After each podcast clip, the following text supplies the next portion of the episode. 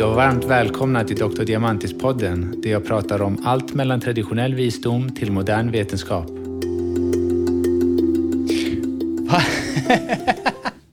Så ja, då är vi igång. Då är vi igång. Varmt välkommen min kära vän David. Tack broder, tack Diamantis. Hur känns det att vara här? Det känns bra.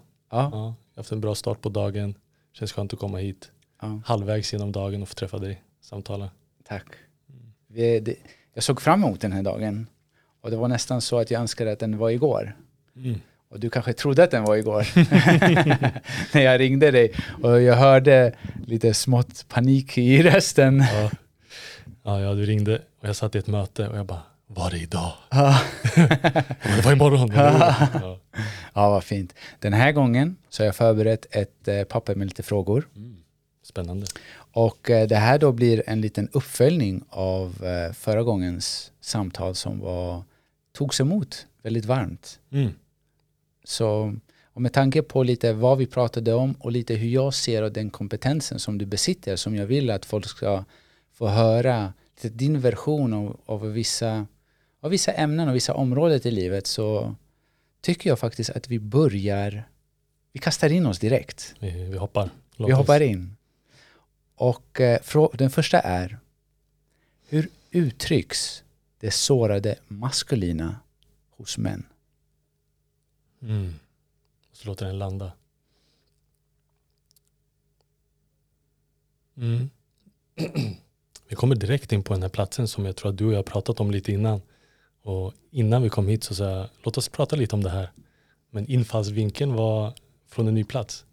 Eh, hur uttrycks det sårade maskulina? Jag skulle säga att det sårade maskulina från min perspektiv och det som jag själv har upplevt är hårdhet, ett skal. Eh, vi, vi, vi bygger ofta på skal, både kvinnor och män. Men i och med att vi har en stereotyp av vad maskulinitet är, som kanske för mig är hypermaskulinitet. Den hypermaskuliniteten lyfts upp och framhålls som något positivt så det är lätt att ta på sig rustningen och det blir en okänslighet för mjukhet och öppenhet. Det är kanske en del av det sårade maskulina. Jag tror att det är lättare för en maskulin att ta på sig en rustning och säga aldrig mer än att släppa. Man, när man ser aldrig mer, aldrig mer vad då? Aldrig mer det som sårade mig så mycket så gjorde att det kändes så mycket och så jobbigt så jag vill inte känna det där igen. Ah, så intressant. Så det är nästan en försäkran för sig själv att aldrig mer återuppleva känslorna. Men är det också känslorna, och vilka känslor pratar vi om då? Mm.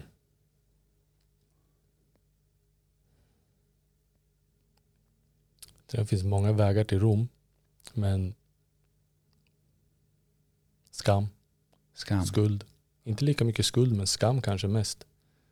Du är inte. Eller att bli sårad, att bli nedtryckt, att bli förödmjukad. Inte vara tillräckligt. De här, de här sakerna som, som lämnar oss blottade och ömma. Jag börjar, jag börjar nyfiket eh, eh, utforska gränslandet mellan skam och skuld. Och det har för mig varit lite diffus tidigare. Men just skammen känns som någonting som verkligen eroderar oss från insidan. Skulden kanske är okej. Lite mer för att lära oss hur ska vi navigera. Eh, I alla fall från mitt perspektiv.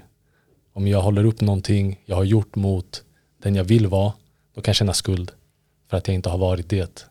Men det eroderar mig inte som skammen mot att jag är inte. Om jag förstår det rätt, har skulden mer att göra med min handling och skammen mer att göra vem jag är? Exakt. Sak och person.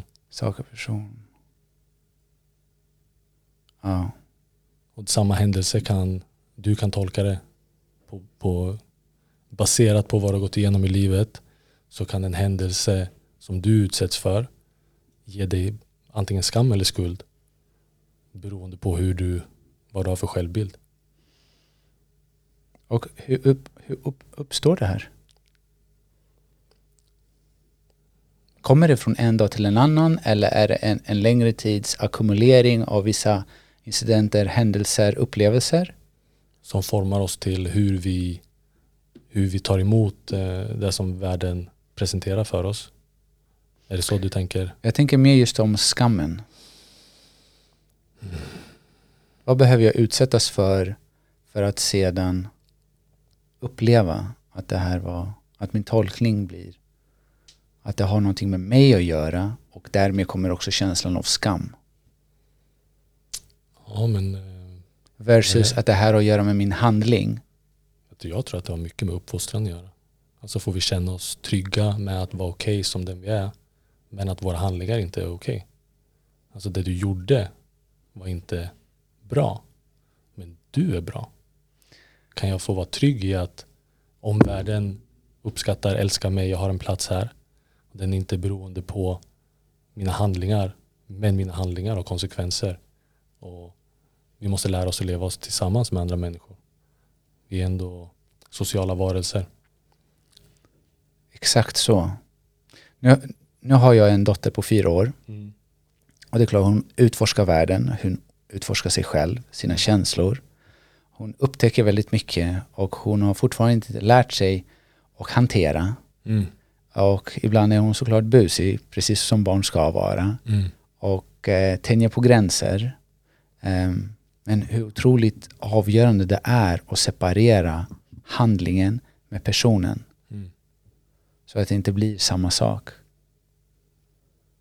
Avgörande.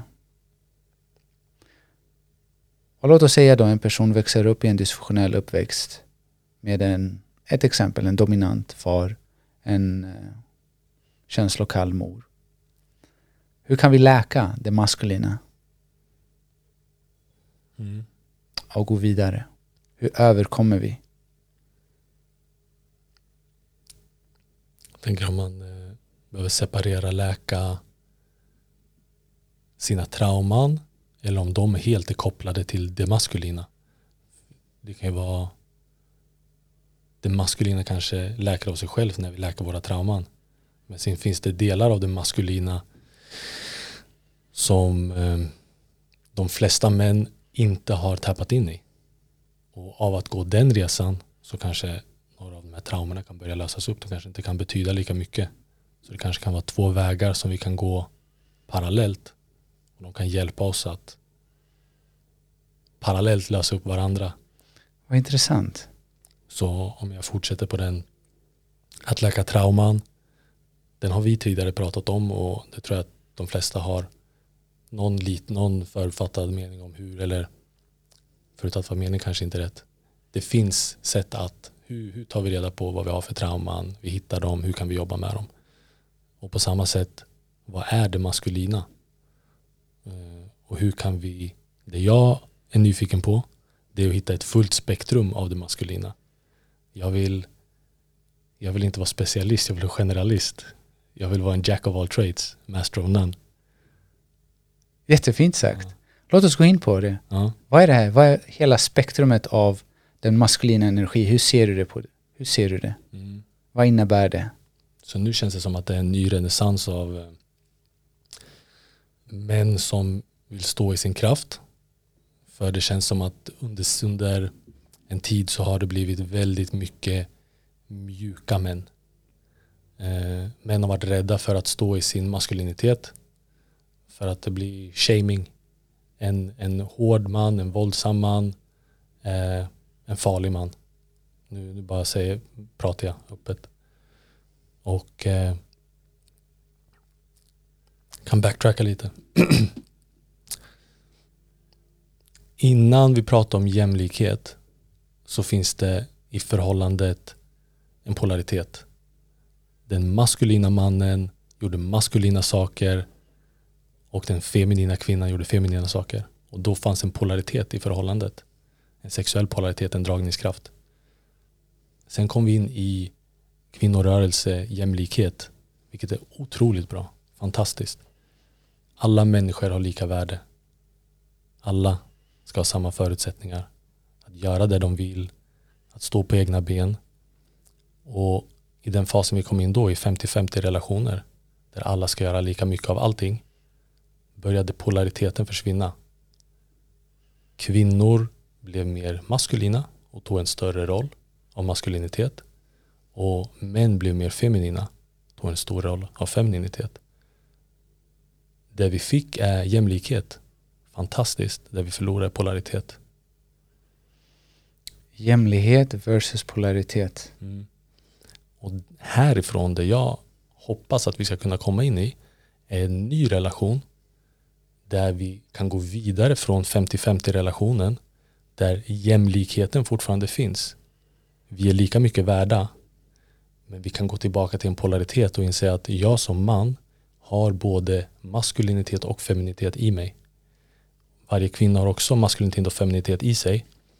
Och vi kanske behöver hitta våran match i hur är du och jag? Hur mycket bär du? Många kvinnor idag bär mycket maskulinitet men de kanske inte vill det innerst inne. Många män bär mycket femininitet men de kanske inte vill det innerst inne. Om vi kan gå tillbaka då kan vi skapa en polaritet igen. Men vi behöver inte regressera till att hamna i det här dominanta, förtryckande. Jag förstår och jag håller med dig helt. Hur jag ser på, på just det här, det är utifrån yin och yang konceptet. Mm. Och det är att yin och yang är två motpoler och de kan, behöver vara två motpoler. Om den ena inte finns, finns inte den andra. Ja. Båda är lika avgörande. Men det finns olika mycket av det ena och det andra hos män och olika mycket hos kvinnor. Och jag tror att önskan av att ha en jämlikhet mellan de två energierna hos oss har uttryckts, har missförståtts och tros att vi behöver ha en jämlikhet, energiskt jämlikhet i den yttre världen. Det var Ta det igen. Jag tror att önskan, ja. en djup undermedveten önskan av att det ska finnas balans ja. i mig som individ, ja. vilket innebär en balans mellan det feminina och det maskulina. Det betyder inte att det ska vara hos mig 50-50. Ifall balans betyder hos mig som är man att det är mer maskulin energi och mindre feminin energi i förhållande till varandra och hos kvinnan tvärtom. Och allt det här är individuellt. Vi är alla ett helt spektrum och alla behövs. Alla, ingen har den exakta liknande formen av konstitution av feminin och maskulin energi. Och det är det, den mångfalden skapar också hela mänskligheten, vilket är avgörande. Mm. Jag tror att den önskan att hitta och förstå sig på den inre balansen av den konstitutionen jag är av feminin och maskulin energi har istället för att man ska gå in och upptäcka den har det avspeglats som eh, ett behov av att ha det jämställdhet av könsrollerna som finns där ute. Mm. Och jag vill vara väl, för jag vet att det är ett väldigt känsloladdat ämne och vad jag menar är inte just det som du pratade, det förtryckande maskulina. Jag pratar om att, att den här polariteten behövs där. Den behövs för individen, jag tror att den behövs för familjen och jag tror att den behövs också för samhället. Mm. Um, och det pratas väldigt mycket om det och, och, och, precis som du uttryckte det själv som en renässans. Jag tror väldigt mycket kommer falla på plats ifall vi verkligen tillåter oss själva att blicka inåt och se vad är den här egentligen, hur uttrycks den maskulina energin hos mig och hur uttrycks den feminina energin hos mig? Mm. Och att inte tabubelägga det på något sätt, att vi som män, vi måste ha den här stereotypiska maskulina energin. Eh, men den feminina energin innebär inte att vi ska vara feminina i vårt beteende i sig. En feminin energi är väldigt, kan vara väldigt omhändertagande och väldigt varm. Utan att, man, utan att det ska vara på bekostnad av den maskulina energin. Yeah. Och, och tvärtom. För kvinnor, och där, jag är inte kvinna, jag kan inte tala för kvinnor i sig, men så som jag visualiserar det, så som jag förstår det, är just det här att man ska kunna gå in i den andra energin utan att förbruka eller förtrycka eh, motpolen. Mm. Hur låter hur, den förklaringen? Hur, hur Den känner landar utan friktion i min kropp. Ja, det gör Så, det. ja. Så nej men det, ja, och för att fylla på, du pratade om det här att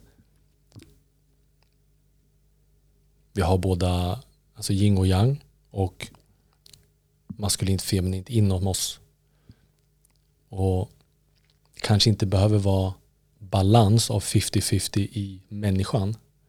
Eh, Men jag tror att förhållandet mår som bäst och det är mest polaritet i, och sexuell dragningskraft i förhållandet.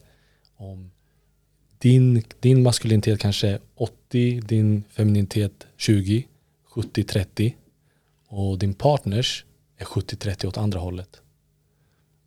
Om, om din partner är 100% feminin, noll maskulinitet, då kommer du börja morfa också. Så att det totalt blir en balans i förhållandet. Och det kanske inte är där du är som bäst eller trivs som bäst, ditt nervsystem slappnar av. Så att, att hitta det här liksom, vad, vart är du, vart är ditt naturliga stadie, vart är du som människa? Är du en, det finns många män, det finns, man brukar säga så här, 80% av män har mer maskulin energi än feminin energi. 10% av män har 50-50 och 10% av män har mer feminin energi än maskulin energi. Och samma med kvinnor. Och sen att man kan hitta och man kan dansa i de här dansen med varandra. Vart är du, vart är jag? Okej, nu vill vi ha lite spiciness. Låt mig gå in fullt i min maskulina energi. Kan du testa att gå in fullt i din feminina energi? Vad händer då? Fyrverkerier, eld, dragningskraft, polaritet. Kanske är det jobbigt också och vi kanske brinner upp om vi är där för länge. Sen kan man balansera där. Men det blir som en dans.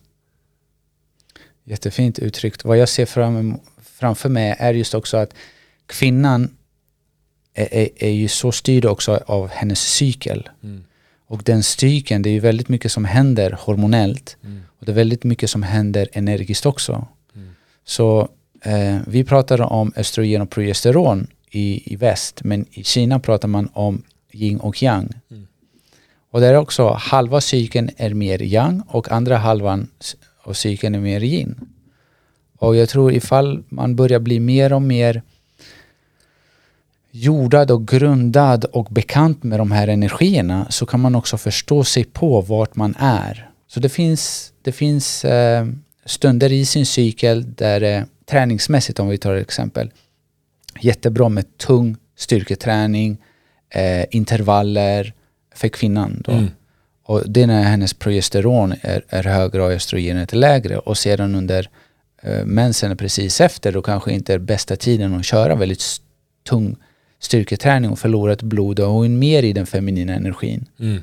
Och då kanske man, vi som män blir vi mer, mer känsliga om, om vår energi och vår konstitution så tror jag i alla fall kan vi börja känna av den skiftningen hos kvinnan också, hos vår partner. Mm. Och på så sätt kan vi också anpassa oss.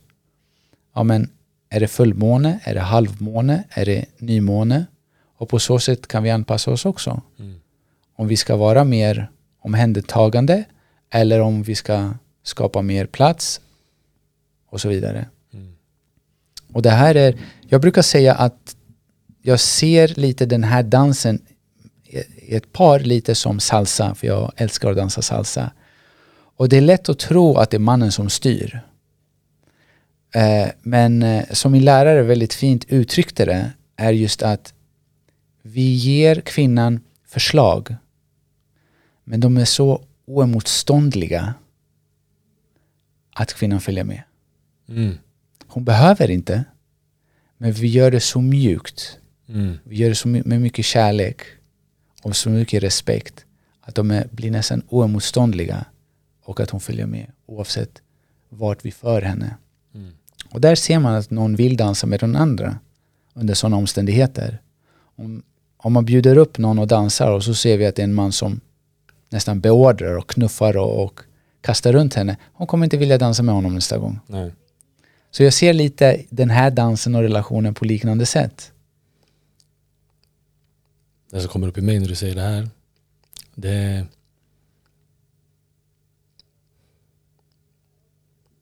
öppnandet av en blomma. Den här öppenheten som kommer, om du säger, som, som bjuder in eller visar vägen på ett sätt som, som gör det oemotståndligt.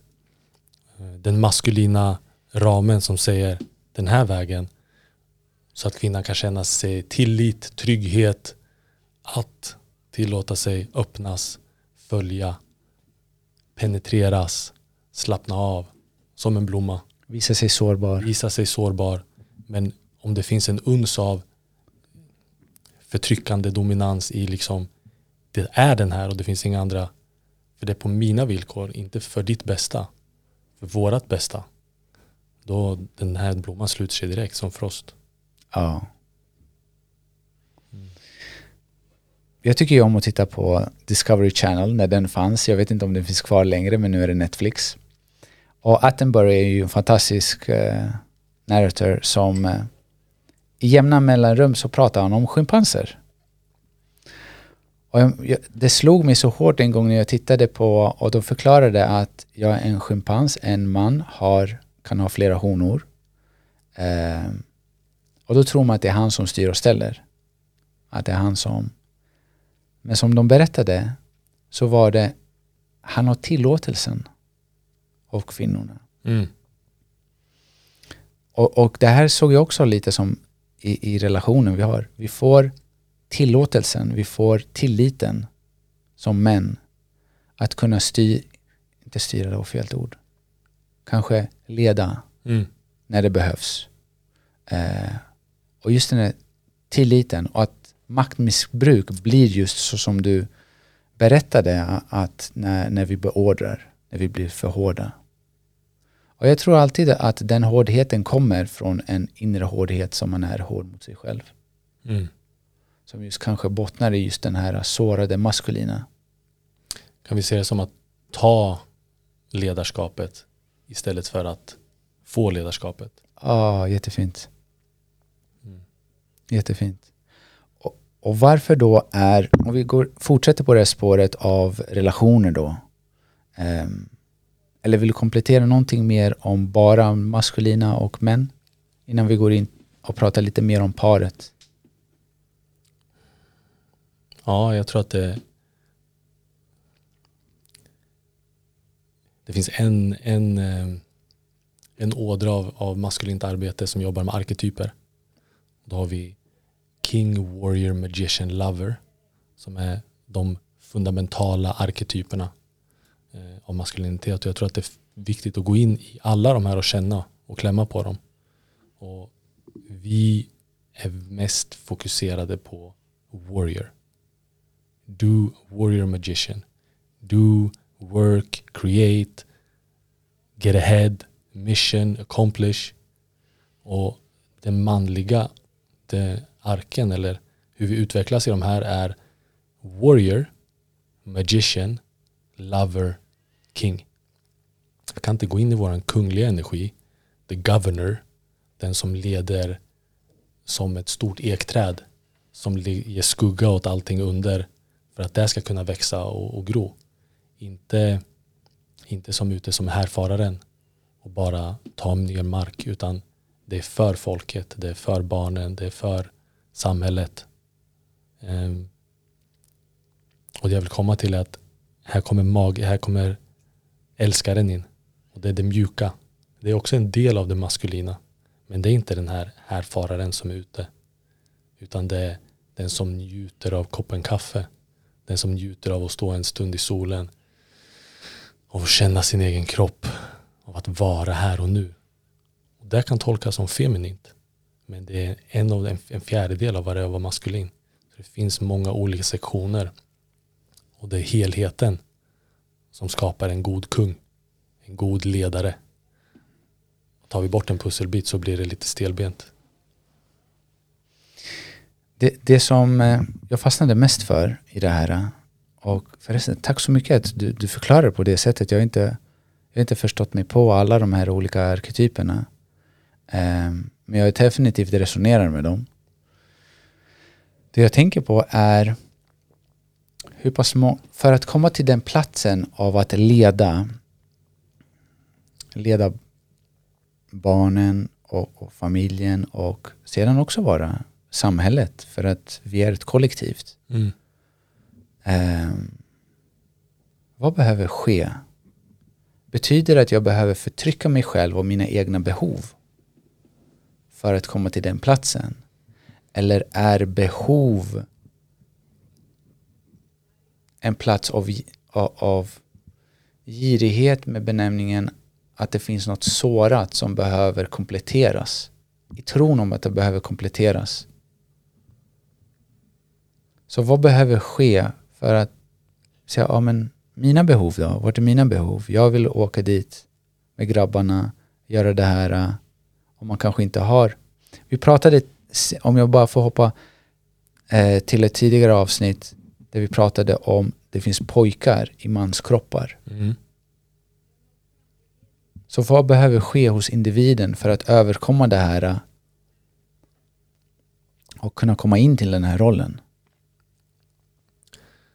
Så först när du pratar om behov, att åsidosätta mina behov för att det känns inte rätt i, min, mitt system att höra att jag ska åsidosätta mina behov. Ehm, sen kanske det finns eh, begär och lustar som kanske är, det här kanske inte, kanske inte är bra. Det kanske är baserat på, på, på sår också. Ehm, Jag menade mer begär. Ja. Ja. Bra, bra. Ja, bra att du eh, Mm. eh, nyanserar här. Mm. Ja. Och, och på um, att gå från pojke till man. Så om vi kollar på de här arketyperna igen. Så, går, så har alla de sin egen. De alla är uppbyggda som en triangel. Kungen uppbyggd som en triangel. Magiken. Allihopa. Och först har vi en triangel som är pojkpsykologi. Och först när vi går igenom en. Nu finns inte de idag så många. Men initieringsritualer där pojken tas ifrån stammen, utsätts för någonting som han tror att han kanske kommer dö av. Och sen får han komma tillbaka. Ett starkt prov. Någonting läskigt, någonting farligt, någonting som gör ont. Där han måste visa någon form av mandom. Och när han tas tillbaka, då vet han att okej, nu är jag en man. Nu har jag släppt det där pojkpsykologin. Och då går han in i sam, en liknande triangel. Men det är, nu är det den manliga triangeln de bär ungefär samma karaktärer men det finns ett avbrott. Och för kvinnan ofta så har det med födsel att göra. Av ett nytt barn, att bära ett nytt barn. Det är en otrolig initieringsritual. Och för oss män saknar vi dem. Vi har militären, kan ses som någon form av initieringsritual. Men där kanske man också säger att det nu kanske blir lynchad av det här, men, men pojkar som utbildar pojkar i att vara män. Men för, för mig så ser jag att vi saknar mycket av de här solida integrerade männen. Ehm, och, det är väl där resan är att ehm, försöka hitta dem och, och, och hjälpa till att skapa den platsen. Jag brinner för initieringar och jag tycker om containrar där vi kan släppa på saker och steppa in i nya skor och växa in i dem. Och jag tror att vi som män behöver de här platserna där vi vet att okej, nu, det här är en container där jag kan få släppa på någonting. Annars så, så fastnar vi lätt i de här gamla mönstren med gamla typen att tänka och vi förblir pojkar i manskroppar. Just det. Och det är så, så, klockrent just eh, uttal, pojkar i manskroppar. Just med det sårade maskulina, det var en våg i, det kan det vara, i våras, då det pratades om toxisk maskulinitet. Och det, det uttrycket landade aldrig hos mig så bra. För för mig så var det sårat maskulint, Ja. inte toxiskt. Men ja, vad, vad säger du om, om vi säger så här, det sårade skapar en toxicitet. Så det som kommer ut är känns giftigt, För mig, känns sårande. Ja, definitivt. Men hos mig var det också, om det finns en toxisk maskulin måste det finnas en toxisk eh, feminin. Det sårade feminina. Det, exakt, det är så det Men då, vi uttrycker det som sårade feminina, men toxiska maskulina. Ja, okej. ja. Ja. Och det kanske uttrycks på det sättet, men vi glömmer bort att det är också sårat. Ja. Ja. För det kan också bli en polarisering men från fel perspektiv. Att det blir mer en vi mot dem-känsla. För att syftet med allt det här är egentligen att vi ska komma närmare varandra. Så, Vilka är vi och dem? Är det kvinnor och män eller, eller icke-toxiska och toxiska? Eller? Ja, hur man än vill okay. det. Det skapar bara en polarisering. Ja. Men det är en mer mental polarisering. Mer än en, ja men det blir definitivt en energisk också. Men inte en sund polarisering mm. av det maskulina och, och det feminina. Och hur viktig är då kommunikation i allt det här? Ja, viktig. Otroligt viktig. Ja. Och varför är den viktig? Varför är kommunikation viktig? För att förstå. Tror jag. Det är vad som kommer upp. För att förstå. För att jag ska kunna förstå dig. Vad, vad händer i dig? Hur ska jag kunna få en större världsuppfattning om vad som försiggår? Kan jag inte kommunicera? Och kan jag inte ta till någon annans kommunikation? Hur ska jag kunna vidga mina vyer? Få mer information så att jag kan se världen på ett klarare sätt. När vi menar kommunikation jag tänker med individen som behöver då komma till vissa insikter som vi också uttrycker att läka, en form av läkning sker då. För min del så var det otroligt viktigt att kommunicera med och vara väldigt specifikt med hur jag kände. Mm. När vi ser kommunikation, det är lätt att kanske misstas eh, direkt att det är mellan två personer. Men i mitt fall så var det bara att kommunicera ut det jag känner. Att verkligen bara säga det, sätta det i ord. Mm. För mig var det, efter att få insikten då att jag bär på så mycket. Mm. Skam, skuld. Och att kommunicera, så fort jag kom till insikt, säga det. För bara orden, bara det var läkande. Det spelar ingen roll om det är till någon eller ner på papper eller bara uttalat till? Ja. Okay. ja. Mm. Men eh, absolut bäst att säga det. Mm. Att erkänna det. Att på så sätt upplevde jag i alla fall, jag började bli transparent med mig själv. Mm. Och just all den här hårdheten som blev så, som var en form av överlevnadsmekanism. Mm. Den kunde, man behövde inte hålla upp den för det krävde så mycket energi att hålla upp den. Mm. Och bara där skedde det direkt någon form av läkning. Mm. Som om kroppen bara tackade mig och sa tack! Äntligen! Vad jag har känt så många år. Mm. Ja. Och bära upp de här rustningarna och sen kanske energin kan få gå till där den är tänkt att vara istället. Ja. Bara hålla upp. Och ibland någonting som har hänt, någonting man tycker om någon annan verkligen var att kommunicera. Det bara poppade upp just nu. Det är ett steg närmare att vara autentisk. Håller du med? Ja. Rakt av. Ja. Och vad innebär kommunikation om vi går tillbaka till kommunikation och nu vi tar det i, när det kommer till ett par. Mm. Vad har du tips och råd och för par är att börja en resa av fördjupad kommunikation eller bättre kommunikation. Ja. Det, ja. Nyfikenhet. Så att, att veta att jag har inte. Ta bort de förutfattade meningarna. Har du en historia i ditt huvud över varför någonting är som det är.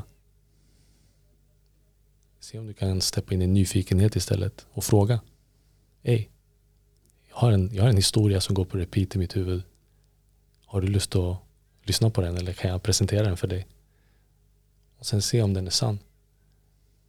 Är den sann? Okej. Okay. Är den inte sann?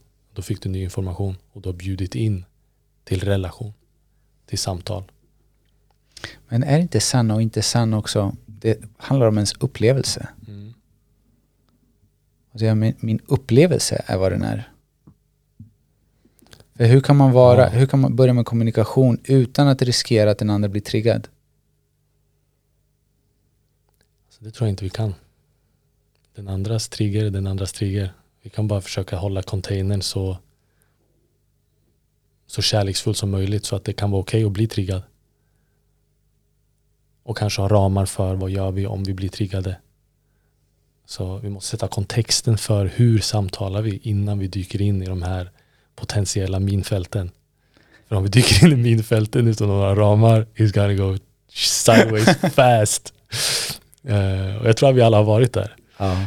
Typ, vi ville väl, vi ville bara fråga. Kanske trodde vi att uh, vi inte var i affekt och sen så gick vi in i ett samtal och så var vi i affekt och sen så helt plötsligt Vad händer nu? vad händer nu egentligen? Ja, hur så, hamnar vi här? Hur hamnar vi här? Så här vi, vad bråkar vi om? Det var ju dit vi skulle. Ja. Nej men att sätta kontext. Sen så här, vad, vad är det här samtalet för? Vad händer när vi blir triggade? Från min egen relation. Alltså jag och min partner har varit på en lång resa av kommunikation. Vad, vad är det som händer här? Vi vet att vi älskar varandra. Men varför skriker vi på varandra? Hur hamnar vi här? Okej, okay. någon har blivit triggad. Och sen har den andra blivit triggad. Och nu är vi två personer som är triggade. Och ingen vill lyssna på den andra. Och jag vill bara bli hörd på. Och du hör inte vad jag säger. Ja. Jag ser framför mig den här skulpturen som, jag vet inte vem som hade gjort den. Men det är två stycken personer som sitter med ryggen mot varandra. Mm. Och så är det, i den är det två barn mm. som vill bara nästan ta på varandra. Mm. Och så var det någon, jag tror att det var någon indian säger, you know why couples scream at each other? Because their hearts are far away from each other. Mm. Så vi bara kan mötas och man kan utgå just från det här att jag älskar dig. Och kanske för att jag älskar dig så vill jag reda ut det här. Mm. Men som sagt, det måste vara två. Två som vill, eller två som är med på att... Ja. Jag tror att det handlar om att vi ska, kan vi säga, leka samma lek eller spela samma spel. Mm. Vad gör vi när vi går in? Varför går vi in i samtal? Jag älskar att det finns någonting här. Jag känner det. Det här som inte är så lätt att sätta ord på. Har du lust att, att gå in i det här med mig? Jag är, jag är så nyfiken. Alltså jag, jag nästan går igång på det. Jag gillar det. Och det för jag är nyfiken. Det blir som en upptäcktsfärd. Och jag vet att det finns så mycket guld på andra sidan. Om vi tillsammans kan lösa den här gåtan, knuten. Båda har lika mycket ansvar. I vår relation känner jag att jag blir triggad då måste jag ta ansvar och säga att jag är triggad för jag vet att det är andra delar av min hjärna som blir påkopplad. Jag kan inte vara i samtal när jag är triggad. Det kommer inte vara konstruktivt. Det kommer inte hjälpa. Jag kommer säga saker jag inte vill säga. Det kommer ta näst nästa dag innan jag kommer på att jag har gjort det. Så bara är jag triggad med kärlek. Jag behöver en paus. Men jag kommer tillbaka om fem minuter. Lämnar jag min partner i, i frustration. Jag kan inte prata nu. Och så går jag. Men det är också att stänga ner. Att vara dominant. Visst måste vi hålla våra egna behov högt. Men också vara varsam om vår partner. Så att vi inte lämnar vår partner i en frustrerad situation. Att bli lämnad mitt i en, i en diskussion. Jättefint sagt och jättebra påminnelser och ja, men insikt att ta med sig. För jag tror att alla par har någonting att jobba på. Mm. Du var övertygad om det? Ja, det är ja, det. Alltså, om du, in, om, du har, om du har löst alla gåtor med kommunikation, kom till mig och jag betalar dig gärna för att lära mig. Så ja, fint. de flesta har, har någonting att, att fortsätta. Alltså jag tänker bara, jag har konflikter med mig själv. Det säga mm. klart jag har konflikter med någon annan. Mm. Inte konflikter med benämningen konflikt, men att det finns någonting att lösa upp där. Mm. Jag vill fortsätta med ett citat. Mm. Många världsproblem skulle komma till sitt slut ifall vi bara kunde sätta oss ner och prata med varandra. Mm. Hur landar den? Ja. Inom ramar av kärlek och öppenhet och förståelse, absolut. Jag tror att det sätter vi oss och pratar med varandra. Det är ett bra första steg. Mm. Jag tror att många av oss saknar kompetensen för att prata utan att, alltså, utan att det ska bara blossa upp till mer. Jag menar, bara att prata kanske inte alltid leder till någonting men det är ett bra första steg. Ja. Jag, jag vill inte att... så, jag vill inte, det, det, för, mig, för mig är det någonting där med att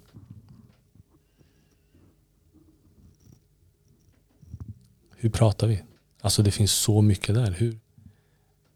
Jag kan prata med dig och du kan känna att jag inte är här. Du blir inte sedd eller hörd. Eller så kan jag prata med dig och du kan känna så här, men David förstår mig. Då är vi på en plats i relation. Annars blir det bara ett mentalt schack. Ja. Lite dominans och lite du mot jag. Och... Vi, kan, vi kan prata på det sättet. Det tror jag inte kommer leda till så mycket. Kanske till några kontrakt och några formulär där det står att om du gör så så måste du göra liksom, ja, vi stipulerar allting så att det inte kan finnas någonting annat och om det bryts så går vi till rättegång. Det är ett sätt. Ett annat är så här, okej, okay, du är också människa. Du har också ett hjärta. Oh shit, okej, okay, det där, nu känner jag, oj, nu känner jag med dig. Okej, okay, men då vill ju inte jag göra det här som jag har gjort. För nu förstår jag hur det påverkar dig. Och, och den nivån av, av relationellt, då tror jag att mycket av det andra faller på plats. Mm. Hur blir vi bättre på att kommunicera? Övning är färdighet. Ja. Det är någonting att träna upp? Någonting att träna upp. Det är en muskel. Alltså i alla fall den typen av kommunikation som jag pratar och pekar på. Av att kunna vara öppen, att ta in någon annan, att tillåta någon annan att vara sig själv. Att inte ta ansvar för den andras för den andras eh, triggers. Eller vad det är. Om jag är rädd för att du ska bli triggad, då kommer jag robba dig från din egen kraft. För jag kommer hålla på och linda in allting och göra det. Men egentligen är det jag som är rädd för jag kan inte hantera dig när du är arg. Men kan jag tillåta dig att bli arg men fortfarande stå i min egen sätta mina egna behov först av att om du blir så pass arg så att jag känner mig hotad eller triggad eller mitt nervsystem blir överbelastat då får jag ta mitt ansvar istället och säga att nu börjar jag bli triggad. Jag älskar dig. Låt oss fortsätta alldeles strax. Ja, det, jag tror att det kräver mycket själv, eh, självkontroll. Mm. Eller vilket ord passar in här? Självinsikt? Ja. Självkontroll, självmedvetenhet. Självmedvetenhet. Mm. Är det bättre att börja jobba med sig själv innan man kommer in och börjar jobba med, i en relation med någon annan? Om man, om man har möjlighet. Alltså jag, har du möjlighet att jobba på dig själv, gör det. Börja på dig själv. Om du inte har börjat på dig själv, börja på dig själv idag. Ja. eh, och har du en relation, eh, det kommer bli, det kommer bli messy liksom. Det kommer aldrig bli perfekt. Mm. Det kommer vara messy om och om och om igen. It's part of it. Ja. Och, och vi, kan, vi kan kanske till och med börja uppskatta det här. För vi vet att om det är messy, det betyder att det finns eh, någonting som betyder mycket på andra sidan. Jag vill inte leva ett liv som bara är smooth. Mm. Jag vill ha lite, jag vill dansa dansen. Mm. Jag vill leva livet. Och det betyder att det kommer bli friktion, det kommer bli eldigt. Ibland. Mm. Jag tror inte vi ska vara rädda för att det skakar till ibland. Kommunikation med sina barn? Jag har inga barn. Ehm, jag, jag, jag, jag har säkert idéer om hur det skulle vara och vilken typ av far jag hoppas att jag kommer bli. Ehm, ja. Jag kan säga från min erfarenhet hur otroligt avgörande det är. Mm. Och hur pass inkännande jag behöver vara för att veta vart, hur man ska navigera Om det är sätta gränser här, Mm. säga åt, eller hur man ska styra. Ehm, min erfarenhet är just att, och jag utgår att för varenda gång Vida kanske uttrycker sig eller gör på ett specifikt sätt, det finns en anledning för det. Mm. Eh, och att jag aldrig ska bestraffa henne för det. Men istället vara tydlig med kommunikation och så många gånger fler vara mjuk med henne än att vara hård. För är man hård, då är det nästan du är hård och hon, hon springer ju, hon vill ju närhet, hon vill ha hon vill bli sedd. Hon springer ju mot dig oavsett, hon vet inte hur hon ska uttrycka det och ibland så uttrycker hon det med frustration. Mm. Är jag hård, det är nästan då faller hon på en vägg. Mm. Ska hon, vill jag att hon ska falla på en vägg eller på en mjuk kudde? Mm. Och I så fall måste jag vara en mjuk kudde och låta henne falla på mig. Mm. Och just särskilja det här med beteende och person. Att inte att vara väldigt tydlig med hennes handling. Och att hjälpa henne hjälpa henne lära sig att hantera känslor. Och förstå sig på känslor. Mm. Jag tror det är avgörande när det kommer till barn. För ju mer bekant hon blir med sina känslor och lär sig uttrycka sig så kommer hon ha med sig det också till äldre dagar. Och när hon träffar någon annan också. Ja. ja. Ja, specifikt till den här platsen du säger om sak och person och det du gör är inte den du är. Kan vi vara trygga i att vi är den vi är och vi älskar det. Men jag kan bara, jag kan, jag kan bara tänka mig hur svårt det är, kommer bli att, att vara rak och hård. Säga att det där var inte okej. Mm. Och kunna stå i, jag menar, det måste göra jätteont som far och vara hård. Om man särskiljer på de två sakerna så är det helt okej faktiskt. Mm. Det är helt okej för att man ser också i blicken på barnet Mm. när de förstår att det är handlingen som Ja. inte var okej eller om det är fel på henne. Mm. Om det är handlingen, om man ser då att hon förstår att hon gjorde fel. Och alltid, jag gör i alla fall, avslutar alltid med en puss, en kram. Mm. För att visa, först hård och sen här landa mjukt. Vi jobbar lite på vår anknytning. We are on the same team. En god vän säger ramar och kramar. Man och kramar. Ramar och kramar. Vad fint. Sätt, det måste finnas ramar.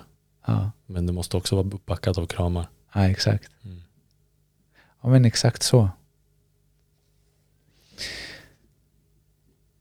Jag vet ju nu att du har börjat, du går ju en, en vad kallas den utbildningen du går på?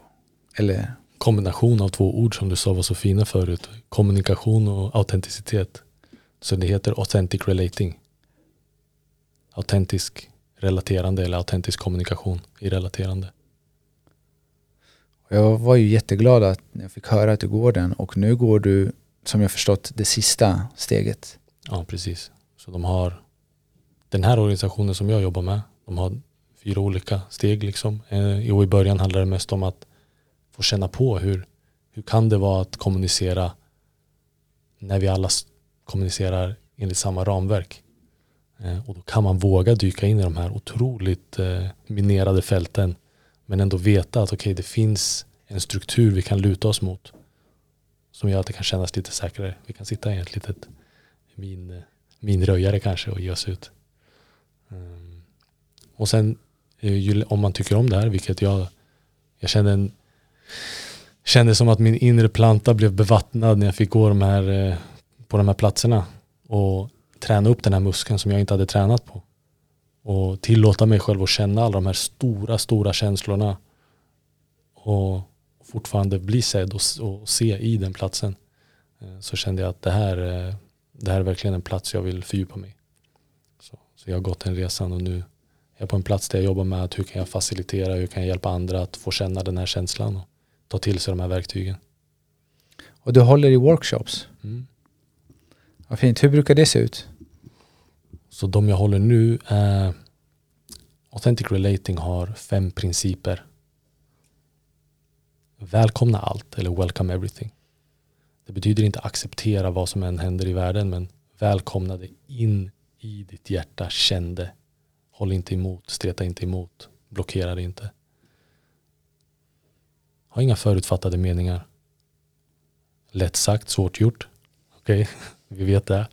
Tanken är kanske inte ha dem inte, men inse att du har dem och om du har dem, be om mer information. Då öppnar du upp för samtal. Own your experience. Äg din verklighet. Och där du sa så här, men min erfarenhet är väl sann? Ja, den är sann. Och äg den. Äg vad du känner och peka inte finger och säg att du får mig att känna så här. Men det du gjorde har en effekt i mig och jag känner så här.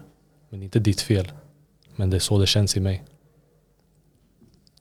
Honor self and others. I min pursuit av att äga min egen verklighet så kan jag bli ganska mycket av en douche. I think you're a piece of shit. Jag äger min verklighet. Men jag hedrar inte dig.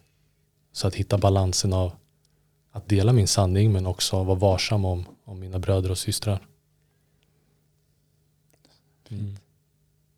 Var det den femte? Det var den femte. Jag ska se här. Share your experience. Så own your experience och share your experience. Så dela.